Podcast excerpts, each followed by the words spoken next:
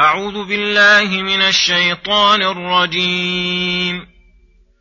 ولقد خلقنا الإنسان من سلالة من طين ثم جعلناه نطفة في قرار مكين.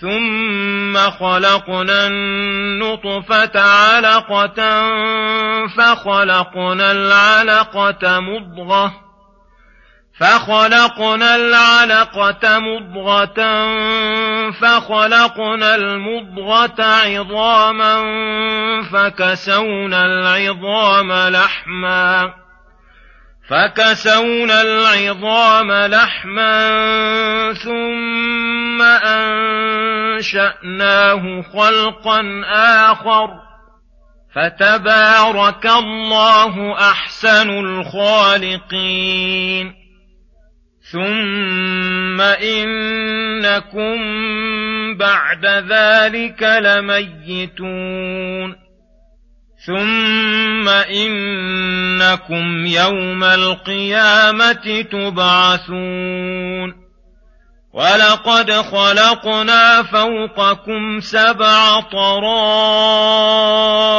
وما كنا عن الخلق غافلين. وأنزلنا من السماء ماء بقدر فأسكناه في الأرض. وأنا على ذهاب به لقادرون فانشانا لكم به جنات من نخيل واعناب لكم فيها فواكه كثيره ومنها تاكلون وشجرة تخرج من طور سيناء تنبت بالدهن وصبغ للآكلين. وإن لكم في الأنعام لعبرة. نسقيكم مما في بطونها ولكم فيها منافع كثيرة ومنها تأكلون وعليها وعلى الفلك تحملون. بسم الله الرحمن الرحيم. السلام عليكم ورحمة الله وبركاته. يقول الله سبحانه ولقد خلقنا الإنسان من سلالة من طين. ذكر الله في هذه الآيات أطوار الآدمي وتنقلاته من ابتداء خلقه إلى آخر ما يصير إليه. فذكر ابتداء خلق أبي النوع البشري آدم عليه السلام وأنه من سلالة من طين أي قد سلت وأخذت من جميع الأرض. ولذلك جاء بنوه على قدر الأرض منهم الطيب والخبيث وبين ذلك والسهل والحزن وبين ذلك. ثم جعلناه أي جنس الآدميين نطفة تخرج من بين الصلب والترائب فتستقر في قرار مكين وهو الرحم محفوظة من الفساد والريح وغير ذلك. ثم خلقنا النطفة التي قد استقرت قبل علقة أي دما أحمر بعد مضي أربعين يوما من النطفة. ثم خلقنا العلقة بعد أربعين يوما مضغة أي قطعة لحم صغيرة بقدر ما يمضغ من صغرها. فخلقنا المضغة اللينة عظاما صلبة. قد تخللت اللحم بحسب حالة البدن إليها بحسب حاجة البدن إليها. فكسونا العظام لحما أي جعلنا اللحم كسوة للعظام كما جعلنا العظام عمادا للحم وذلك في الأربعين الثالثة. ثم أنشأناه خلقا آخر نفخ فيه الروح فانتقل من كونه جمادا إلى أن صار حيوانا. فتبارك الله أي تعالى وتعاظم وكثر خيره أحسن الخالقين. الذي أحسن كل شيء خلقه الذي الذي أحسن كل شيء خلقه وبدأ خلق الإنسان من طين وجعل نسله من سلالة من ماء مهين ثم سواه ونفخ فيه من روحه وجعل لكم السمع والأبصار والأفئدة قليلا ما تشكرون. فخلقه كله حسن والإنسان من أحسن مخلوقاته بل هو أحسنها على الإطلاق كما قال تعالى لقد خلقنا الإنسان في أحسن تقويم ولهذا كان خواصه أفضل المخلوقات وأكملها. ثم إنكم بعد ذلك الخلق ونفخ, ونفخ الروح لميتون في أحد أطواركم وتنقلاتكم. ثم إنكم يوم القيامة تبعثون فتجازون بأعمالكم حسنها وسيئها. قال تعالى أيحسب الإنسان أن يترك سدى؟ ألم يك نطفة من مني يمنى ثم كان علقة فخلق فسوى فجعل منه الزوجين الذكر والأنثى؟ أليس ذلك بقادر على أن يحيي الموتى؟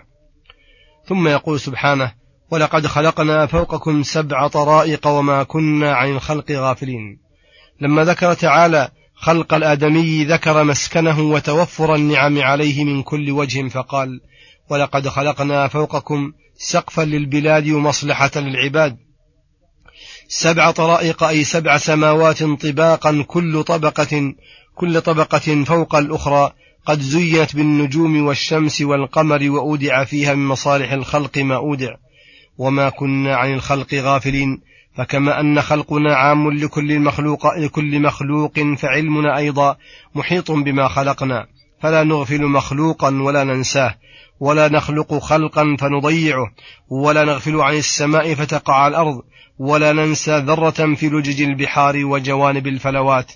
ولا دابة إلا سقنا إليها رزقا وما من دابة في الأرض إلا على الله رزقها ويعلم مستقرها ومستودعها وكثيرا ما يقرن تعالى بين خلقه وعلمه كقوله ألا يعلم من خلق وهو اللطيف الخبير بلى وهو الخلاق العليم لأن خلق المخلوقات من أقوى الأدلة العقلية على علم خالقها وحكمته.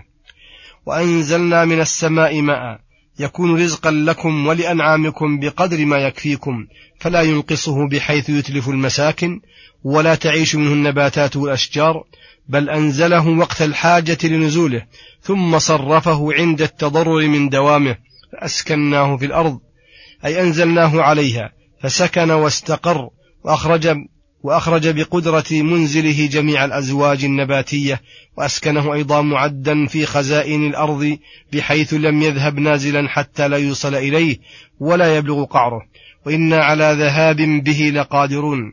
إما بأن لا ننزله أو ننزله فيذهب نازلا لا يوصل إليه أو لا يوجد منه المقصود منه. وهذا تنبيه منه لعباده أن يشكره على نعمته ويقدروا عدمها ماذا يحصل به من الضرر؟ كقوله تعالى قل أرأيتم إن أصبح ماؤكم غورا فمن يأتيكم بماء معين فأنشأنا لكم به أي بذلك الماء جنات أي بساتين من نخيل وأعناب.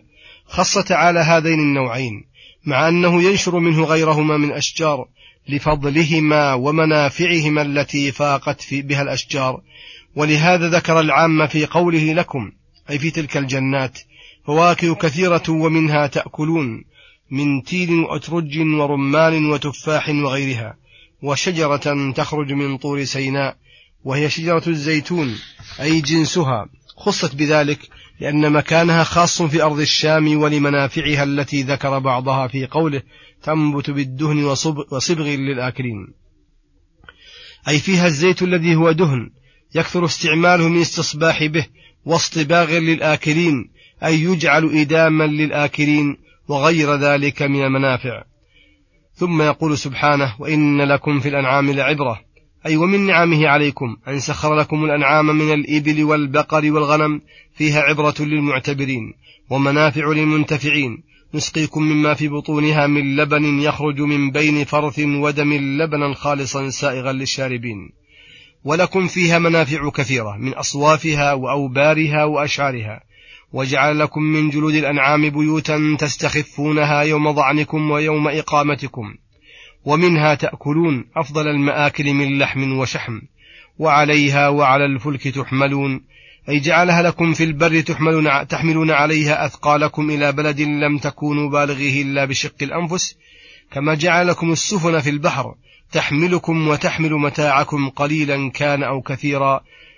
فالذي أنعم بهذه النعم وصنف أنواع الإحسان وأدر علينا من خيره المدرار هو الذي يستحق كمال الشكر وكمال الثناء والاجتهاد في عبوديته وأن لا يستعان بنعمه على معاصيه. وصلى الله وسلم على نبينا محمد وعلى آله وصحبه أجمعين. وإلى الحلقة القادمة غدا إن شاء الله. والسلام عليكم ورحمة الله وبركاته.